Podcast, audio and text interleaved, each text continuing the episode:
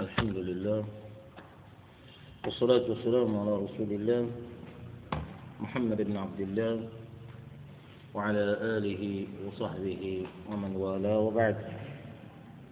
السلام عليكم ورحمة الله وبركاته.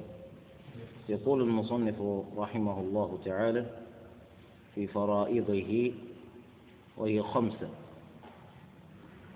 هذا شروع من المؤلف في الكلام عن فروض الغسل والمقصود بالفرض هنا هو ما أمر الشارع المكلف بالإتيان به على سبيل الجزم بمعنى إذا أخفق المكلف عن أن يأتي بهذه الفروض فإن غسله لا يحكم عليه بالصحة. وهذه الفروض عدها خمسة. هذا على قوله هو. وفي قول غيره من المالكية والفروض هذه أوصلها بعضهم إلى ست. وهكذا في المذهب. كل يذكر ما انتهى إليه بحثه أو ما انتهى إليه باجتهاده. المهم أنه هنا يقول فروض الغسل خمسة. الفرض الأول النية. النية هي العزم عزم القلب على الفعل الذي المكلف بصدد القيام به. هذا هو النية. النية هذه واجبة على المكلف أن يأتي بها في بداية وصله. وكالوضوء تماما. وكالتيمم تماما. ذلك لأن الغسل عمل وكل عمل تعبدي يفتقر إلى النية. لعموم قول النبي صلى الله عليه وآله وسلم إنما الأعمال بالنيات. وقلنا هذا الكلام ناقص فلا بد من الاتيان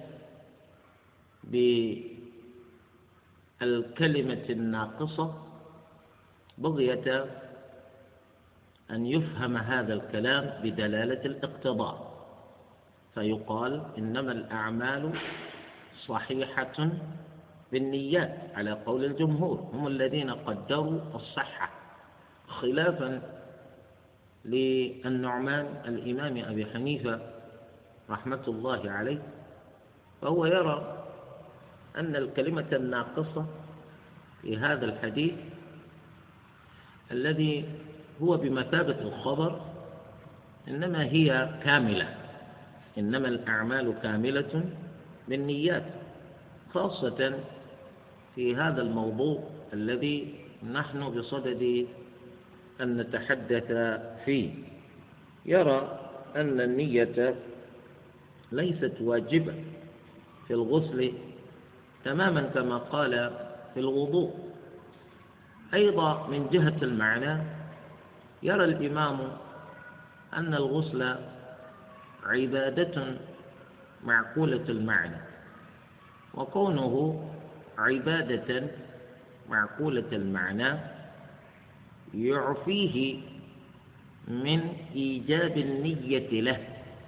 يعفيه من إيجاب النية له. لاتفاق الجميع أن العبادات التي هي معقولة المعنى لا تفتقر إلى النية. العبادات المعقولة المعنى لا تفتقر إلى النية لتصح. أصل ذلك آه، إزالة النجاسات. إزالة النجاسات عن البدن أو الثوب أو المكان. كل هذا لا يفتقر إلى النية.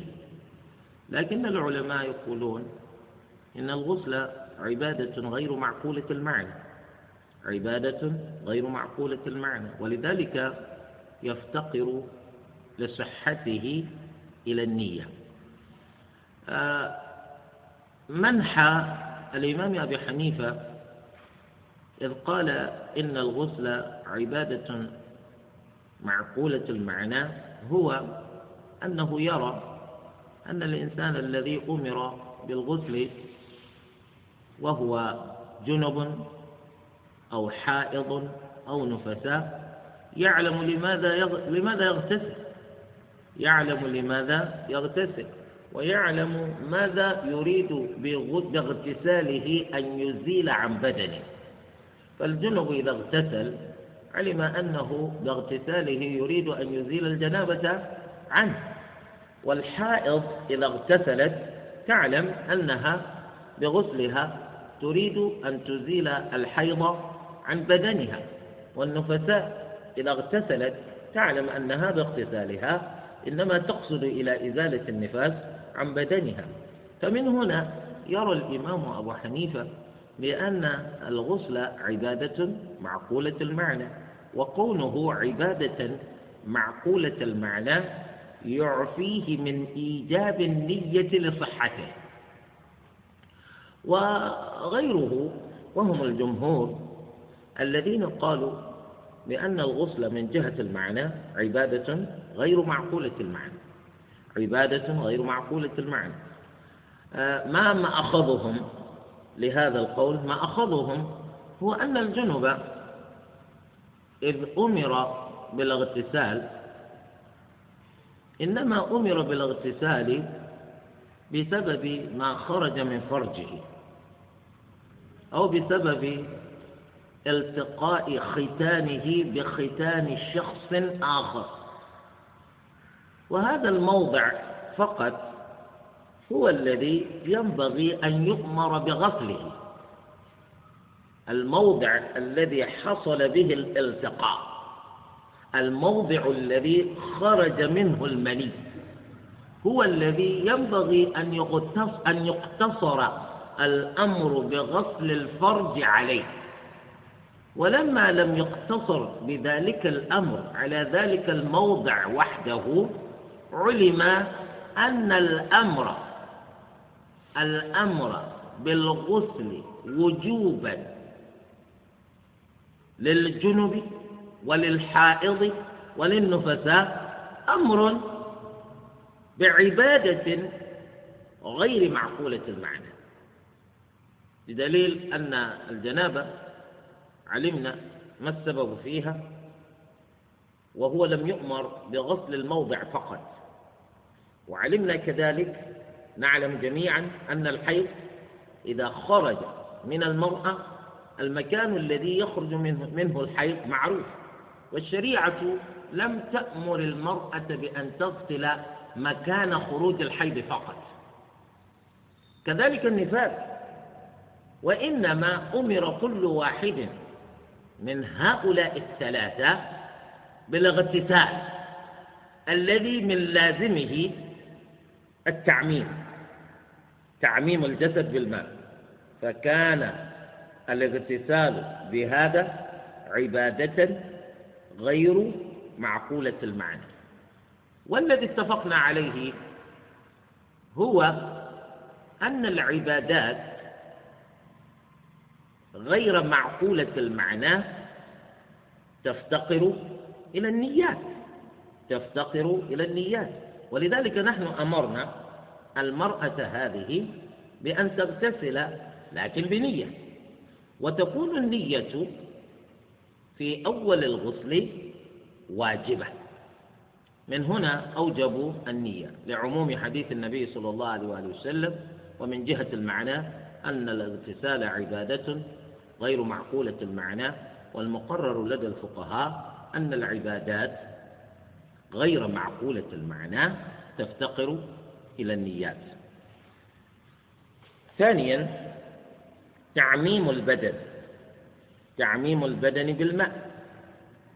وهذا إجماعا أجمع العلماء على أن الغسل إذا أراد المكلف أن يأتي به فإنه يجب عليه أن يعمم أن يعمم جسده بالماء.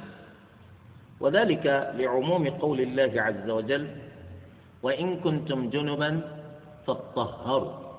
وإن كنتم جنبا فاطهروا. كذلك قول الله عز وجل ولا جنبا إلا عابري سبيل حتى تغتسلوا قالوا بالنظر إلى ظاهر الآيتين علم أن المطلوب من الأمر بالتطهر بسبب الجنابة هو الاستغراق استغراق البدن بالماء استغراق البدن بالماء أي استدلوا بظاهر الآيتين استدلوا بظاهر الآيتين كيف ذلك؟ لأن الإنسان الذي أصيب بالجنابة. لو غسل بعض جسده دون البعض الآخر. فقيل له إنك لم تتطهر. وربنا عز وجل يقول وإن كنتم جنبا فاطهروا. فقال ذلك الإنسان بل قد طهرت بعض جسمي بما في ذلك فرجي.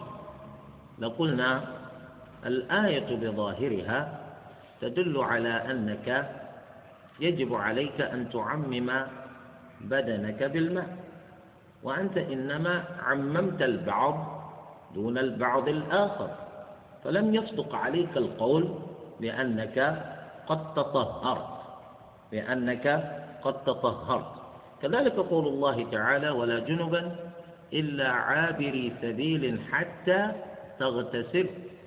لو غسل الإنسان بعض جسده دون البعض الآخر لما صدق عليه القول بأنه قد اغتسل لما صدق عليه القول بأنه قد اغتسل. هذا هو. كذلك الفرض الآخر يقول والتدلك. التدلك هو إمرار اليد على الجسم مع إيصال الماء إليه. إمرار اليد على الجسم على أعضاء الجسم مع إيصال الماء إليها. لا خلاف بين الفقهاء على أن الذي يغتسل يجب عليه إيصال الماء إلى أعضاء جسمه عضوا عضوا من غير استثناء. وذلك لأنه كيف يقال إنك اغتسلت ولما توصل الماء إلى أعضاء جسمك. هذا لا خلاف بينهم فيه. وإنما الخلاف هو في إيجاب إمرار اليد عراكا على أعضاء الجسم مع إيصال الماء إليها. هل تدلك بيدك أعضاء جسمك مع إيصال الماء إليها حين تغتسل أو لست مطالبا بهذا التدليك خلاف بين الفقهاء. ذهب آه، المالكية إلى إيجاب التدليك. إلى إيجاب التدليك. وقد مر معنا شيء من هذا في الوضوء. هذا في المذهب المالكي. من اغتسل ولم يدلك فيقال إنه لم يغتسل. جاء في الكتاب عند عند المالكية في الجنب والمتوضئ يأتي الواحد منهما إلى النهر فينغمس فيه. يعني يأتي الجنب إلى نهر. يأتي من أراد يعني الجنب الذي يريد أن يغتسل للجنابة يأتي إلى نهر. ويأتي من يريد أن يتوضأ إلى نهر.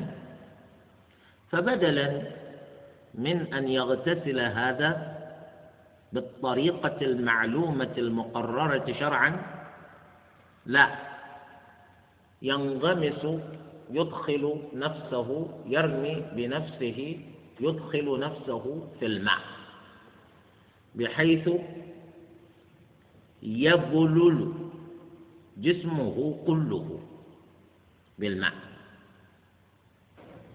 وهذا يدخل نفسه أيضا في الماء. من أراد الوضوء يدخل نفسه في الماء منغمسا فيخرج. هل نقول إن الأول قد اغتسل وإن الثانية وإن الثانية قد توضأ؟ سئل الإمام مالك عن ذلك. إذا نويا الطهر. انغمس هذا بنية الغسل وانغمس ذاك بنية الوضوء. هذا الكلام سئل الإمام مالك عنه فقال مالك لا يجزئه إلا أن يتدلك. لا يجزئه إلا أن يتدلك أي لا بد من الدلك. فمن توضأ من غير دلك من غير تدلك فلا وضوء له عند المالكية. كذلك من اغتسل من غير تدلك لا غسل له عند المالكية.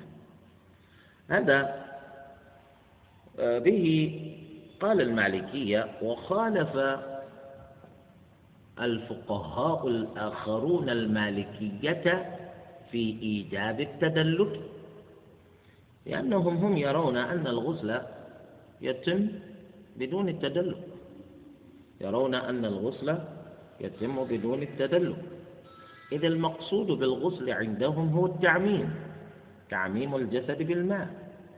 فلو وقف الإنسان الجنب في المطر حتى بل جسده كله بماء المطر وهو لم يزد على قيامه في المطر. لم يدلك جسده بيده إنما وقف في المطر وبل ماء المطر جسمه. يقولون إذا تحقق من وصول الماء إلى جميع أعضاء جسمه. نقول قد تم غسله. كذلك المتوضأ. لو صب الماء على أعضاء وضوئه صبا من غير عراك نقول تم وضوءه عند غير المالكية. وهؤلاء والمالكية سبب اختلافهم في هذه المسألة هو سبب لغوي سبب لغوي شرعي سبب لغوي شرعي. ما وجه ذلك؟ هل الغسل في اللغة العربية هو مجرد إيصال الماء إلى الجسد؟ أو لا بد مع إيصاله إلى التدلك حتى يقال له غسل في اللغة العربية. هل كل من عمم جسده بالماء كيفما عمه؟ يقال اغتسل. أو لا بد مع تعميمه جسده بالماء من التدلك. هذا هو سبب الخلاف.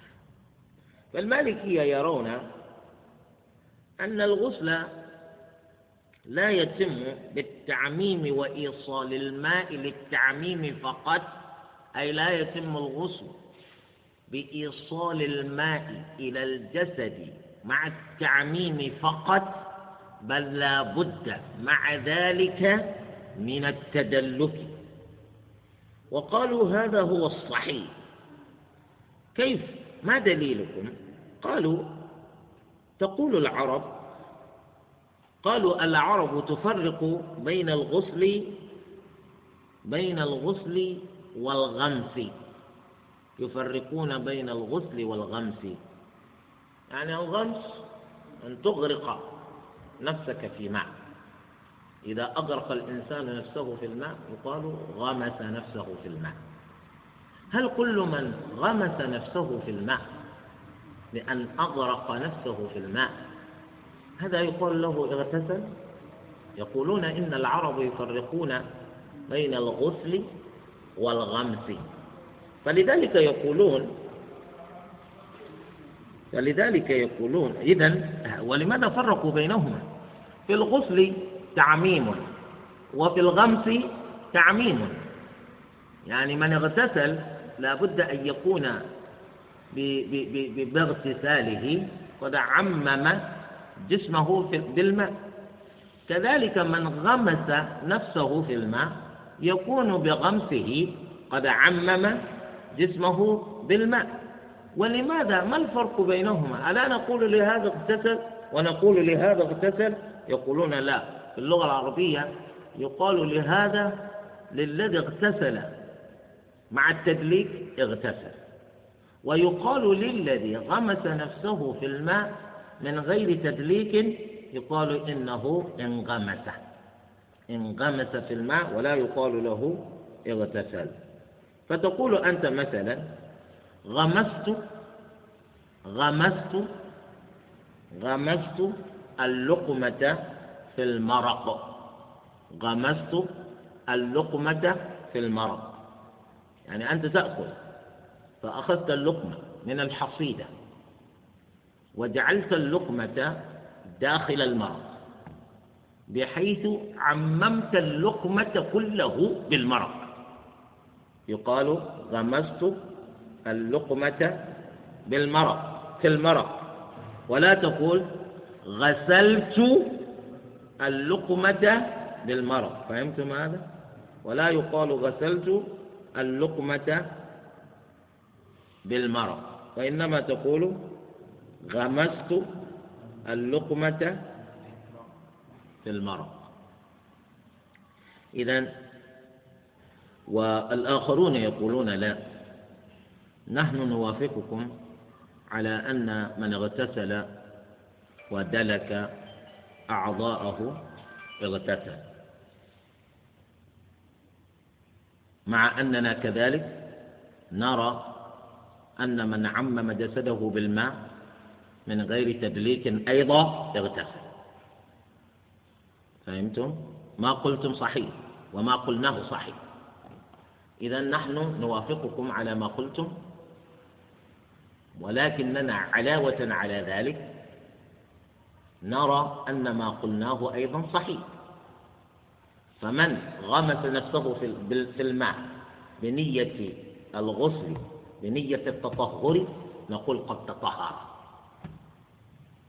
بشرط أن يعمم بذلك الماء جسده كله وإن بدون تدليك ومن اغتسل ودلك نقول هو أيضا اغتسل لا فرق بينهما.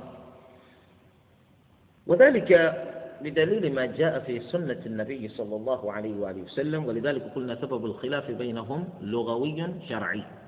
الجانب الشرعي هذا. حديث أم سلمة رضي الله عنها أن النبي صلى الله عليه وآله وسلم قال لها في شأن في شأن شعرها في شأن شعرها كيف تفعل إذا أرادت أن تغتسل من الجنابة.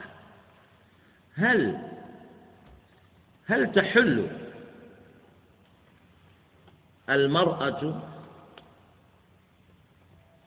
عفاص شعرها إذا أرادت أن تغتسل من الجنابة؟ هل تحل عفاص شعرها؟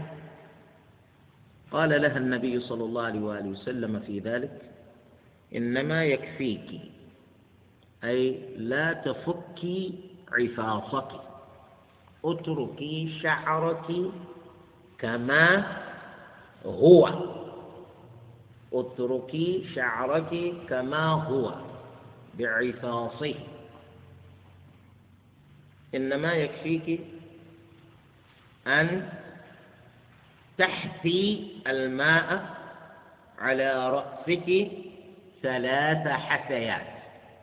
إنما يكفيك أن تحثي الماء على رأسك ثلاث حثيات من غير حل العفاص. ثم تفيضي هذا الشاهد. ثم تفيضي الماء عليك ثم تصبي الماء عليك فتطهرين والنبي صلى الله عليه وسلم ذكر بأنها بمجرد أن تفيض الماء على جسدها فإنها تتطهر. والنبي صلى الله عليه وسلم ما ذكر في هذا الحديث الدلق وهل تقولون إن النبي صلى الله عليه وآله وسلم نسي؟ أو تقولون لا سيبين النبي صلى الله عليه وآله وسلم لها ذلك في حديث آخر؟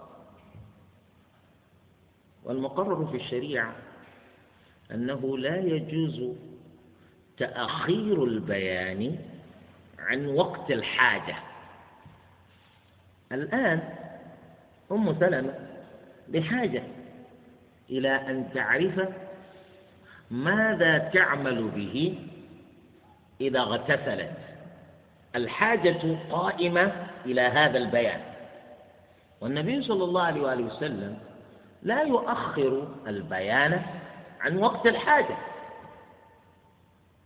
فما ذكر التدليك فمن أين لكم التدليك يا جماعة؟ للمالكية أن يجيبوا فيقولوا نعم. النبي صلى الله عليه وآله وسلم هنا ما ذكر التدليك. ما ذكر التدليك. ولكن آه إنما لم يذكر النبي صلى الله عليه وآله وسلم التدليك هنا لأن أم سلمة ليست بصدد أن تذهب للاغتسال فورا بعد هذا البيان. فأخر النبي صلى الله عليه وآله وسلم البيان عن وقت الخطاب لا عن وقت الحاجة. ونحن وأنتم متفقون على أن تأخير البيان عن وقت الخطاب جائز. فهمتم؟ أم سلمة رضي الله عنها إنما تسأل النبي صلى الله عليه وآله وسلم الآن. لا أنها تذهب الآن لتغتسل وإنما تذهب بعد ذلك بفترة. لتغتسل. والنبي صلى الله عليه وسلم سيبين لها بعد ما لم يبين لها الآن. ففي هذا تأخير للبيان عن وقت الخطاب لا عن وقت الحاجة. وقد تقرر في أصول الفقه جواز تأخير البيان عن وقت الخطاب. دون وقت الحاجة. يجيب هؤلاء بأن جوابكم هذا فيه تكلف وتعسف. فيه تكلف وتعسف. وهو صحيح أن الجواب هذا فيه تكلف وفيه تعسف. لأن النبي صلى الله عليه وآله وسلم لا يؤخر البيان عن وقت الحاجة ووقت الحاجة الحاجة قائمة الآن. الحاجة قائمة الآن. ثم أنتم الآن تقولون النبي صلى الله عليه وسلم مالكية يجيبون أنتم تقولون أن النبي صلى الله عليه وآله وسلم يقول لها ثم تفيضي الماء على جسدك فتطهرين. نقول عدم ذكر التدليك هنا ليس ذكرا للعدم. لأن ما لم يثبت بدليل في الشريعة يمكن أن يثبت بدليل آخر. كيف وقد أثبتناه باللغة والقرآن والسنة؟ إنما أتيا باللغة العربية. وقد قلنا لكم إن العرب يقولون آه غمست اللقمة في المرق ولا يقولون غسلت اللقمة بالعرق. أجيبوا عن هذا. إذا لم تستطيعوا أن تجد لأن اللغة العربية هي التي بها أنزل الله القرآن وبها خاطب النبي صلى الله عليه وآله وسلم الأمة. فلا مندوحة من قبول هذا. ثانيا قال أصحاب هذا القول جاء في حديث آخر هذا الحديث حديث أم سلمة رواه الإمام مسلم. وجاء في حديث آخر وهو حديث أبي ذر. أن النبي صلى الله عليه وآله وسلم يقول الصعيد الطيب طهور المسلم وإن لم يجد الماء عشر حجج.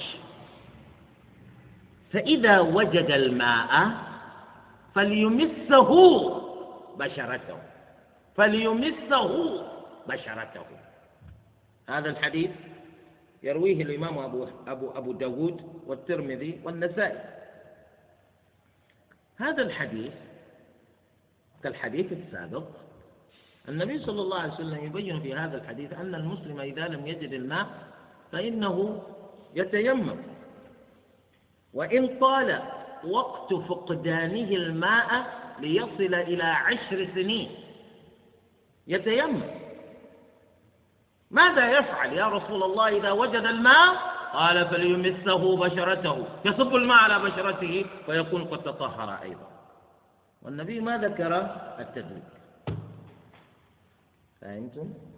فلذلك نقول طبعا ما ذهب إليه المالكية من التدليك آه، لهو قول سديد لا شك في ذلك. لأن الإنسان يجب عليه أن يغتسل من الجنابة كما يجب على المرأة أن تغتسل من الحيض والنفاس. والإنسان مطالب في في غسله أن يعمم جسده كله بالماء. ولذلك يقول العلماء إن غسل الجنابة والحيض والنفاس هذه الغسلات أمانة بين العبد وربه. أمانة بين العبد وربه. من ناحية أنك تراعي نوع الماء الذي تغتسل به وتراعي الكيفية التي بها تغتسل. وهل عممت جسدك بالماء كما أمرت أم أخفقت في شيء من ذلك؟ وهذا من الأهمية بمكان. والمعلوم لدى الجميع أن الإنسان الذي يغتسل ودلك جسمه بيده في غسله يطمئن قلبه إلى أن الماء قد وصل إلى جميع أجزاء جسده بخلاف من غمس نفسه في الماء. أو صب الماء على نفسه صبا. فإن مثل هذا قد لا يتأكد من وصول الماء إلى جميع أجزاء جسمه.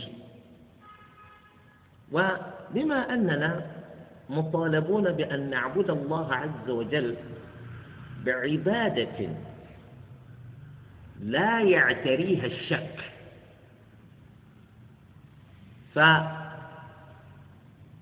فينبغي لنا من هذا أن نتأكد من أننا اغتسلنا بطريقة تبعد عن قلوبنا الشك. ولا سبيل إلى ذلك إلا بالتدليك. فما لا يتم طرد الشك عن عن العبادة إلا بفعله ففعله واجب. فهمتم؟ ما لا يتم طرد الشك عن العبادة إلا بالإتيان به فالإتيان به واجب. وهو هنا التدليك سيما وقد جاء في بعض الأحاديث عن النبي صلى الله عليه وآله وسلم أنه أنه ذكر التدليك في حديث من الأحاديث الثابت هذا الحديث ثابت. ذكر النبي صلى الله عليه وسلم في ذلك الحديث الحديث هذا يتناول الوضوء أو شيء من هذا. ذكر النبي صلى الله عليه وآله وسلم في ذلك ما ما معناه التدليك. ما معناه التدليك. فلذلك نقول عدم الذكر ليس ذكرا للعدم. عدم الذكر ليس ذكرا للعدم. لكن في المقابل نجمع بين القولين. نقول من اغتسل. من غير تدليك ولكنه تأكد من أنه بالماء عم جسده كله. نقول إن غسله صحيح أيضا صحيح أيضا. إعمالا للأحاديث التي لا ذكر فيها للتدليك فهمتم؟ إعمالا للأحاديث التي لا ذكر فيها للتدليك هذا هو. ثم قال والفور مع الذكر والقدرة خلاف لهم. وهذا أيضا قد سبق في الوضوء. الفور ما يعبر عنه بعض الفقهاء بالموالاة أي أنك لا تؤخر غسل عضو من أعضاء غسلك إلى ما بعد جفاف العضو الذي غسلت قبله. لا يجف عضو قبل أن تغسل عضوا آخر. هذا المقصود بالفور. إذا وقد سبق الكلام في هذا. ثم قال وتخليل اللحية. أي في الغسل أنت مطالب بأن تخلل لحيتك. أي تدخل أصابع يدك إلى داخل شعر لحيتك بغية بغية إيصال الماء إلى بشرتك. هذه بشرة. يعني تخلل لحيتك طلبا لإيصال الماء إلى جلدك. لإيصال الماء إلى جلدك. إذا كان الشخص ملتحيا وأراد الغسل هل الأصل في ذقنه الجلد؟ أم الشعر؟ هل الأصل في ذقنه الجلد أو الشعر؟ هذا سبب الخلاف. هؤلاء يقولون تخليل اللحية في الغسل واجب. كذلك قال الشافعي وقيل لا لا يجب. لماذا قيل بأنه لا يجب داخل المذهب المالكي؟ وقالوا إن تخليل اللحية في الغسل سنة.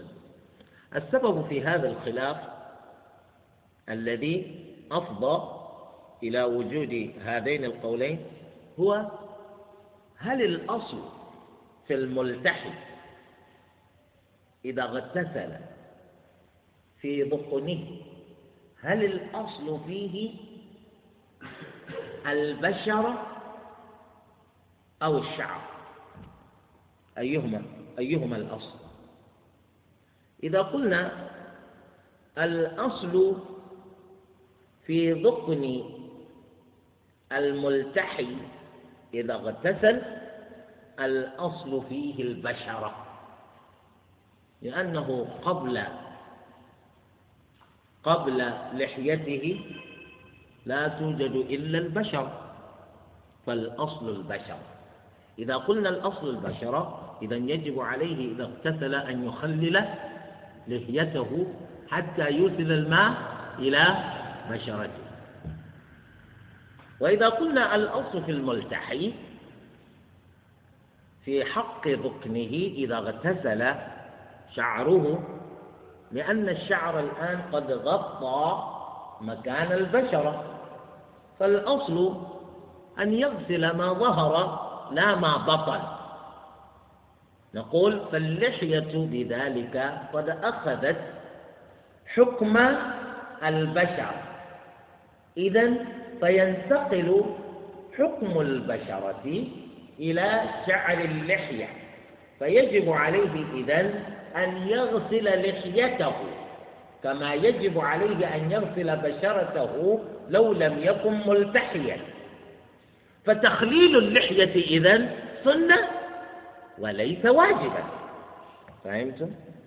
السبب في هذا الخلاف هو هذا الذي ذكرت. وهناك واجب آخر ذكره غير المؤلف من المالكية وهو الماء الطهور. قالوا الماء الطهور فرض من فروض الغسل. فرض من فروض الغسل أي يجب عليك يجب عليك إيجاد الماء الطهور. يجب عليك إيجاد الماء الطهور حتى تغتسل به. الفصل الثالث في سننه وهي خمسة أي سنن الغسل. غسل اليدين قبل إدخالهما في الإناء قد سبق هذا في الوضوء. غسل اليدين قبل إدخالهما في الإناء. وهذا ثبت عن النبي صلى الله عليه وآله وسلم أنه في بداية غسله يبدأ بغسل يديه ثلاثا. يبدأ بغسل يديه ثلاثا. يا ترى لو ترك الإنسان غسل يديه في الغسل هل يصح غسله؟ نعم يصح. إذا عمم جسمه بما فيه يداه بالماء نقول إن غسله صحيح. إذا السنة الأولى هو غسل اليدين قبل إدخالهما في الإناء. ثانيا المضمضة. ثالثا الاستنشاق. آه، أين يأتي المغتسل بالمضمضة والاستنشاق؟ يأتي بالمضمضة والاستنشاق في وضوئه الذي يسبق الغسل. يأتي بالمضمضة والاستنشاق في غسله في وضوئه الذي يسبق الغسل. ويقول العلماء لو لم يتوضأ الإنسان في غسله للجنابة مثلا ولكنه آه، تمضمض واستنشق. تمضمض واستنشق ثم مسح أذنيه جاز له أن يصلي بذلك الغسل من غير خلاف. من غير خلاف بين العلماء. لأنهم يقولون حين اغتسلت للجنابة فإنك قد أتيت بكل ما أنت مطالب بالإتيان به في وضوئك. ثم إنك يعني زدت على ذلك بكثير. والمقرر في الشريعة أن الطهارة الصغرى تفنى في الطهارة الكبرى. لكن لمعترض أن يعترض لأنك وإن عممت جسدك كله بالماء إلا أنك لما تتمضمض ولما تستنشق ولما تمسح أذنيك. فيقول هذا غسلت أذني والغسل أشد من الماء وأين المضمضة؟ وأين الاستنشاق؟ لو تمضمضت واستنشقت لكفى غسلك بذلك عن الوضوء من غير خلاف. وأوجبهما في الغسل أبو حنيفة. أبو حنيفة يرى أن المضمضة والاستنشاق واجبان في الغسل دون الوضوء وهو في الوضوء أي في حكمهما في الوضوء مع الجمهور. الذين يرون أن المضمضة والاستنشاق سنتان في الوضوء خلافا لمن أوجبهما في الوضوء. ومسح داخل الأذنين أيضا من سنن الغسل. كل هذا إذا توضأ الإنسان في بداية غسله فإنه يأتي به يأتي بهذه الأشياء كلها. وتخليل شعر الرأس تخليل شعر الرأس من السنة. لما ثبت في حديث عائشة رضي الله عنها أن النبي صلى الله عليه وسلم كان إذا اغتسل من الجنابة ويخلل شعر رأسه يخلل شعر رأسه بأصابعه بعد الوضوء. يغمس يديه في الماء فيخرجهما مبلولتين فيخلل بهما شعر رأسه. يفعل ذلك ثلاثة. يغمسهما في الماء فتخرجان مبلولتين فيخلل بهما شعر رأسه. يفعل ذلك ثلاثة. هذا من سنن الغسل. وقيل فضيلة وقيل تخليل شعر الرأس فضيلة. وأوجبه الشافعي شافعي يرى أن تخليل شعر الرأس باليدين المبلولتين واجب. هذا عند الشافعي. والصحيح أنه من السنة. لماذا؟ لأنك حتى ولو خللت شعر رأسك بيديك المبلولتين إلا أن ذلك التخليل لا يغني عن صب الماء وإفاضته على رأسك ثلاثا. لأن النبي صلى الله عليه وسلم إنما يبدأ بتخليل شعر رأسه من أجل أن يتبين ويتضح الطريق أمام الماء حين تصبه على رأسك فيكون الماء بذلك يصل إلى رأسك كله بسهولة فهمتم هذا؟ ف ولذلك لا نقول بوجوب تخليل الشعر لأن تخليل الشعر لأن تخليل شعر الرأس ليس مرادا بذاته إنما يراد لغيره وهذا الغير هو صب الماء. يعني كأنك كأنك تفتح طريق للماء يسلكه إذا صببته على رأسك صبة إذا صببته على رأسك صب. لأن الذي خلل شعر رأسه قبل أن يفيض بالماء عليه الماء يجد طريقا يسلكه للوصول إلى جميع أجزاء رأسه وما تحت بخلاف الذي لم يخلل شعر رأسه قبل أن يصب الماء على رأسه صبا. فالماء في ذلك الوقت قد لا يجد سبيلا يسلكه بالسهولة كما يجده الماء عند الشخص الأول. علما بأنك إذا صببت الماء على رأسك صبا هل أنت مخاطب حين صبك للماء وإفاضتك إياه على رأسك؟ هل أنت مطالب بأن تدلك رأسك؟ لا تنسى مسألة الخلاف. هل أنت مخاطب بتدليك الرأس حين تصب الماء إلى رأسك؟ لست مطالبا بذلك.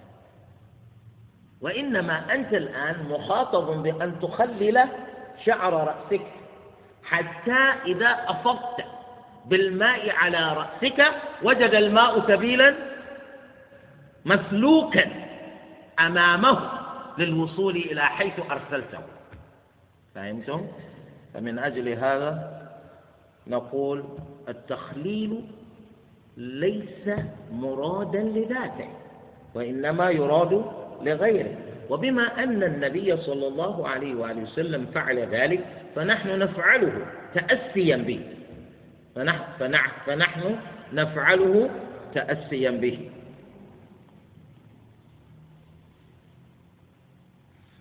آه، الفصل الرابع في فضائله وهي خمسة وهي خمس التسمية. أي أن تبدأ غسلك بذكر اسم الله. بذكر اسم الله عز وجل. بذكر اسم الله عز وجل. طبعا لا وجود لحديث فيما أعلم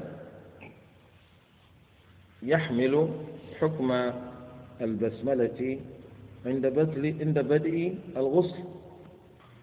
إنما الحديث الذي ورد إنما هو في شأن الوضوء. وهو أن النبي صلى الله عليه وآله وسلم يقول لا صلاة لمن لا وضوء له ولا وضوء لمن لم يذكر اسم الله عليه ولا وضوء. والوضوء غير الغسل. ولكن يقول العلماء طلبا للبركة يبدأ الإنسان غسله بذكر اسم الله. بذكر اسم الله. ولا يقال من لم يبدأ من لم يذكر اسم الله على غسله لا غسل له. هذا يحتاج إلى دليل. وفيما أعلم لا وجود لمثل هذا الدليل. ثانيا والغرف على الرأس ثلاثا. أي أن تصب الماء على رأسك ثلاثة بعد التخليل تصب الماء على رأسك ثلاثة. هكذا فعل النبي صلى الله عليه وآله وسلم. ولماذا قالوا لهذا الفعل فضيلة؟ لأنهم يروا ينظرون إلى ناحية أنه لو تركت ذلك لكنك عممت جسدك كله بما في ذلك رأسك. يقولون إنك قد اغتسلت. يقولون إنك قد اغتسلت. من هنا قالوا فضيلة.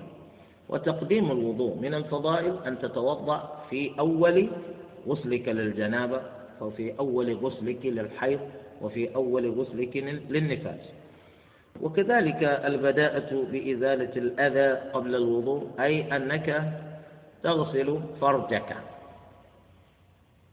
قبل الوضوء. تغسل فرجك قبل الوضوء. وعبروا عما تغسله بالأذى لأن آه، إذا كان الإنسان جنبا فإن المني على القول الأصح ليس نجاسة ولكنه آه، يصاحبه ما هو نجس وهو المدي يعني قل أن يخرج المني منفصلا كليا عن المدي بل خروج المدي يسبق خروج المني. فإذا خرج المني منك وقلنا إن المني على القول الأصح ليس نجسا فماذا نقول عن المذي الذي سبق خروج المني؟ إذا تغسل الأذى من جسده. وعلى قول الفقهاء الذين يرون نجاسة المني نعم تغسل المني من جسدك لأن المني عندهم نجس لأن المني عندهم نجس. ولا يلزم من ذلك أن يقولوا إن أصولهم نجسة. فهمت؟ لا يلزم من ذلك أنهم يقرون بأن أصولهم نجس. إنما يتكلمون من من من من حيثية الشرع. أن الشرع أوجب الغسل من خروج المني. ونحن نفهم من هذا أن الذي بسبب خروجه أمرنا بالغسل وجوبا لا يمكن أن يكون إلا نجسا. هذا الذي فهم. إذا إذا كان نجسا هل أصلكم نجس؟ يقولون لا. ربنا عز وجل إذا أراد أن يخلق الإنسان من مثل هذا المني فإن الذي صيره نجسا لا يكون فيه. فهمتم؟ لكن الفقهاء الذين قالوا لا المني ليس نجسا. بدليل أن أم المؤمنين عائشة رضي الله عنها تقول كنت أحق أحط أحط أحق المنية من جسد من من من, من ثوب النبي صلى الله عليه وآله وسلم حكا بظفري إذا كان يابسا. وأتبعه ماء لإزالته. إذا كان رطبا لهو دليل على أنه طاهر وليس بنجس. الفقهاء الذين قالوا هذا هم لا حاجة لهم إلى أن يقولوا لا إن أصلنا ليس بنجس. يقولون المني ليس بنجس. خلاص وانتهى. وهذا الذي نختاره أن المني ليس بنجس. طبعا أنت تبدأ غسلك بإزالة الأذى قبل الوضوء والبداءة بالأعالي قبل الأسافل تغسل أعلى جسدك قبل أسفل جسدك. وكذلك تبدأ بالميامن قبل المياسر. ومكروهات طبعا كل هذا يعني نظروا فيه للمعنى ما يتعلق بالأعلى قبل الأسفل. يعني أنت إذا غسلت الأسفل قبل الأعلى عندما تأتي تغسل الأعلى الأعلى هذا يعني الأوساخ والأدران التي تخرج من الأعلى فإنها تقف في الأسفل. فقد سبق أن غسلت الأسفل. فلذلك أنت تغسل الأعلى قبل الأسفل. كذلك النبي صلى الله عليه وآله وسلم كما جاء في حديث أم المؤمنين عائشة رضي الله عنها يعجبه التيمن في كل شيء. في تطهره وفي تنعله وفي ترجله. أي حتى في غسله للجنابة حتى في وضوءه يعجبه التيمم أي يقدم اليمن على اليسر. فلذلك أنت إذا جئت تغتسل فإنك تبدأ باليمين قبل الشمال. قال مكروهاته خمس. من مكروهات الغسل الإكثار من صب الماء. الإسراف. الإسراف. منهي عنه. في حديث النبي صلى الله عليه وآله وسلم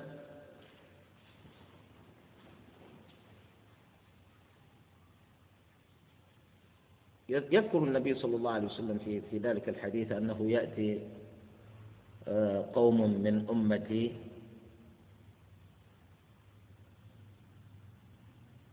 يعتدون في الدعاء وفي الطهارة. يعتدون في الدعاء وفي الطهارة أي يصرفون يتجاوزون الحد. وقالوا من الاعتداء في الطهارة الإسراف في الماء. الإسراف في الماء. جاء في حديث في حديث غير ثابت أن أنه أن النبي صلى الله عليه وسلم يقول لا تسرف في الماء ولو كنت على نهر جار. لا تصرف في الماء ولو كنت على نهر جار. لكن هذا الحديث غير ثابت. هذا الحديث غير ثابت. فالإسراف ينبغي للإنسان المسلم أن يتجنبه في طهارته.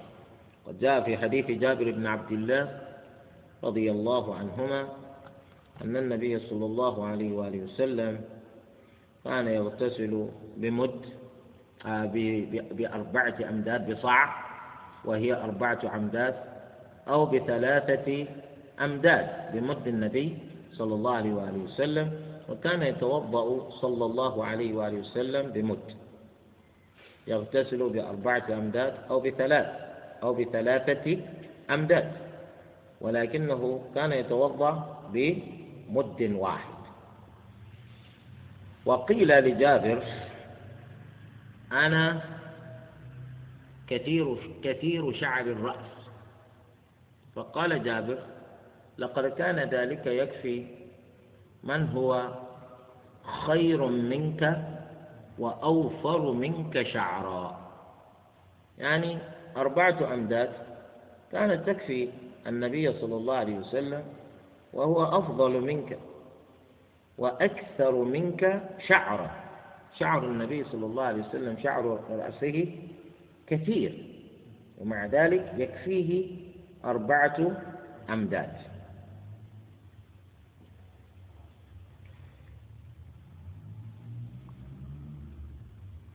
ثم قال والتنكيس في عمله هذا من المكروهات. يعني أنت تبدأ بآخر شيء. آخر ما أمرت بفعله تفعله في الأول. هذا مكروه. هذا مكروه. لكنك مطالب بأن ترتب أعمال الغسل أولا فأول. كما أمرت.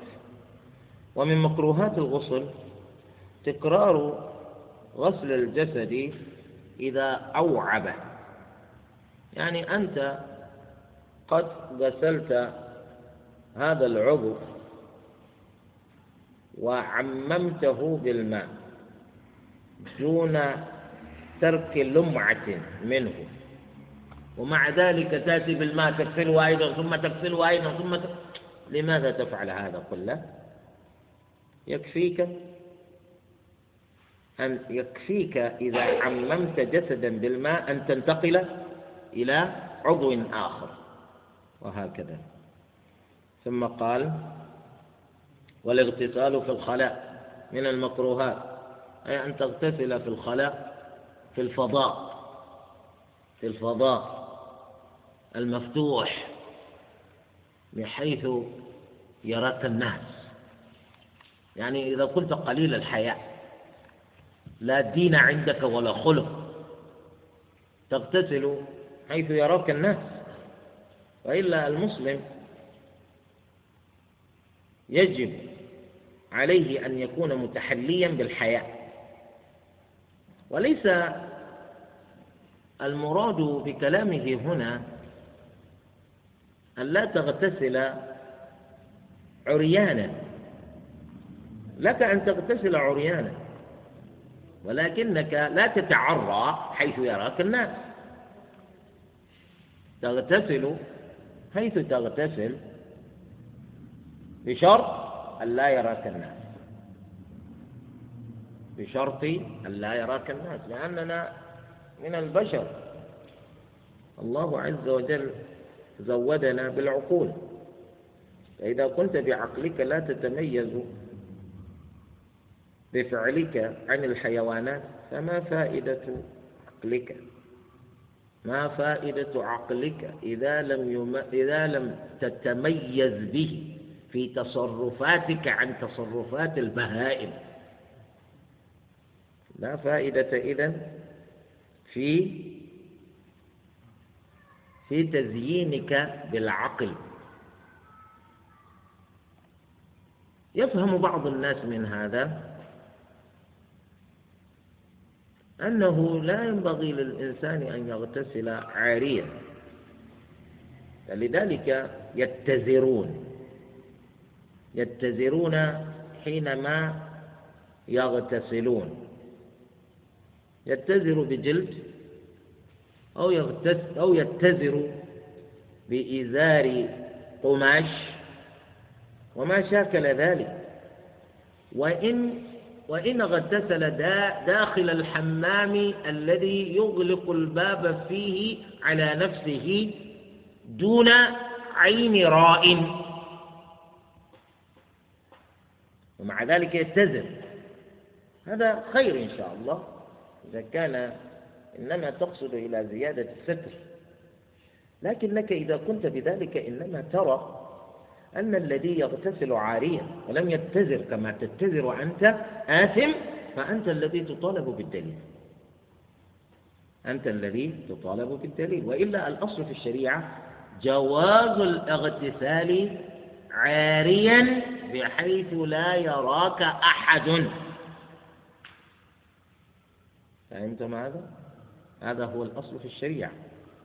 ولذلك جاء في صحيح مسلم أن نبي الله موسى عليه السلام كان يغتسل في الخلاء في مكان بعيد عن مكان اغتسال قومه. لأن قومه إذا أرادوا أن يغتسلوا اجتمعوا للاغتسال في مكان واحد بحيث يكون كل واحد منهم في مرمى عيون أصحابه. ينظرون في عورته وهو ينظر في عورته. وهذا موسى عليه السلام بسبب ابتعاده عنهم في مكان اغتسالهم إذ هو بفعله هذا لم يجعلهم يحظون بالنظر إلى عورته. فعابوه. فعابوه بأنه فيه عاهة وهذه العاهة هي التي تمنعه من أن ينضم إليهم. للاغتسال معهم في المكان الذي يغتسلون فيه. يقول الإمام النووي رحمه الله اغتسال موسى عليه السلام في مكان خاص في الخلاء بحيث لا يراه قومه ولا يطلعون على عورته. هذا هو الأصل أيضا في شريعتنا أنه يجوز للإنسان أن يغتسل عاريا لكن بشرط أن يكون اغتسالك في مكان لا يمكن لأحد أن يطلع فيه على عورتك.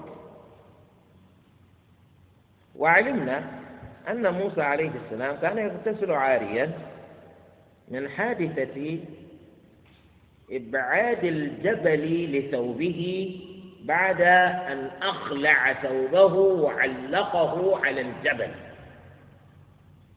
وبعد اغتساله أراد أن يأخذ ثوبه ليلبسه إذا بالجبل يسر بالثوب.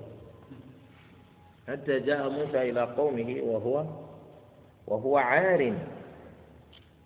فبرأه الله عز وجل برؤيتهم عورته وأنه ليس به تلك العاهة. لكن انظر إلى الكيفية التي بها برأ الله موسى عليه السلام. كان من لازم ذلك أن يرى قومه عورته. سبحان الله. يا أيها الذين آمنوا لا تكونوا كالذين آذوا موسى. فبرأه الله مما قالوا. وكان عند الله وجيها. فلأجل هذا نقول نعم لك أن تغتسل في الخلاء. ولا محظور في ذلك لكن بشرط أن يكون اغتسالك في مكان لا يمكن لأحد أن يطلع على أورتك هذا هو. ثم قال والكلام بغير ذكر الله أي لا تتكلم حين تغتسل بغير ذكر الله. أيجوز للإنسان أن يتكلم وهو يغتسل؟ نعم. يجوز له أن يتكلم وهو يغتسل. لأن الاغتسال ليس معناه أنك تضع تضع الماء في فمك وتتكلم. الاغتسال غير وضع الماء على الفم وتتكلم. الاغتسال هو تعميم الجسد بالماء مع التدليك على قول المالكية. بدون اشتراط التدليك عند غير المالكية. هذا لا يمنعك من الكلام. لا يمنعك من الكلام. لو كلمك أحد وأنت تغتسل تجيب. لأن الاغتسال ليس قضاء للحاجة. ليس ليس بولا ولا غائطا.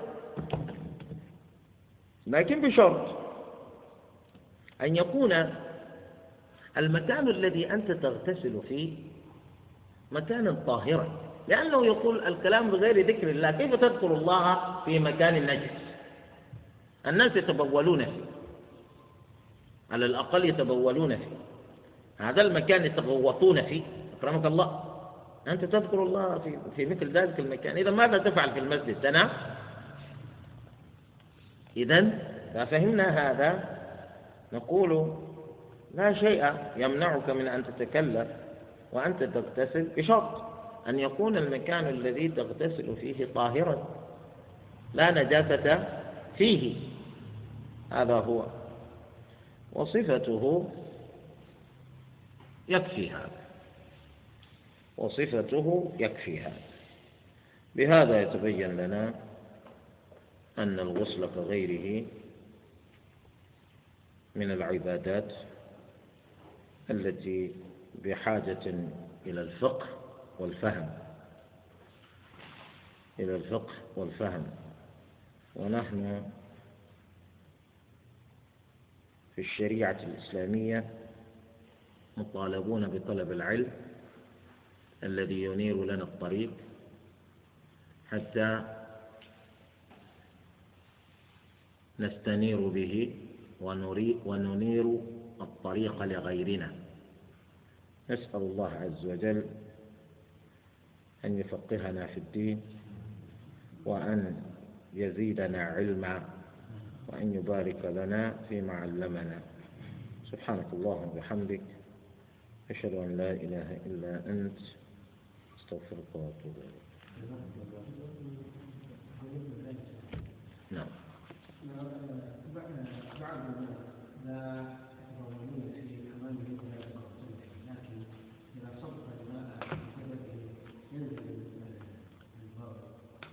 كيف يعني هو يعلم في نفسه أن صب الماء على جسده يفضي إلى نزول البول من جسمه. يعني طبعا لا يتكلم فيه لأنه يبول. يعني هذا يقول له بول لا إرادي. أي بول يخرج من غير إرادة. إذا ربما هذا يصير مرضا. يصير مرضا لأن الله عز وجل جعل في الإنسان القدرة التي بها يستطيع أن يمسك البول. يعني إذا أردت من البول أن يأتي أتى. إذا أردت أن تمسكه لا ينزل. فإذا كان الإنسان بحيث إذا صب الماء على جسده نزل البول مثله لا يتكلم لأنه لا يتكلم وهو يبول لكن إذا صب الماء على جسده يأتي البول لكن بنفسه يأتي البول أو يشعر بالبول. الشعور بالبول ليس تبولا. ما في مانع لكن إذا شعر بالبول ومسك البول أيموت إذا مسكه ولم يبل حتى ينتهي من غسله؟ يموت؟ إذا كان ذلك كذلك لا, لا يتكلم. أو أراد أن يتكلم لا يصب الماء على جسده وهو في الحمام. ماذا يصب على جسده؟ يصب الكلام. فهمتم؟ الإنسان هذا إذا تكلم أتاه البول. حتى يمسك هذا البول وهو يريد أن يتكلم في الحمام عليه أن يختار واحدا من الاثنين. يختار الكلام في الحمام يخرج من الحمام يتكلم. فإذا فإذا انتهى من الكلام يدخل ليستحم.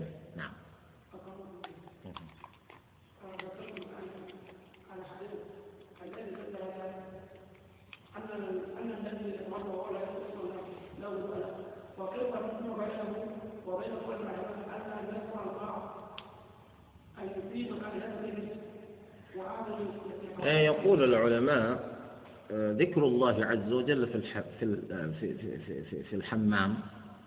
ذكر الله عز وجل في الحمام الذي يوجد فيه مكان آه، التغوط. فنقول له مثلا المرحاض. ذكر الله عز وجل في المرحاض في الكنيف المكان الذي أعد للاغتسال وللتغوط. كما هو الآن الحال في كثير من البيوت. ذكر الله عز وجل في مثل هذا المكان يقال إنه مكروه. ذكر الله عز وجل في مثل هذا المكان مكروه. وأما بدء الوضوء بالبسملة واجب. فتعارض الواجب والمكروه. فيقدم الواجب. وإن ترتب على ذلك فعل المكروه.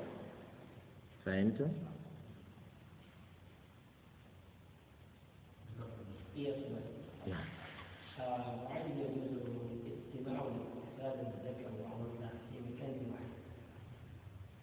ما علاقتهما؟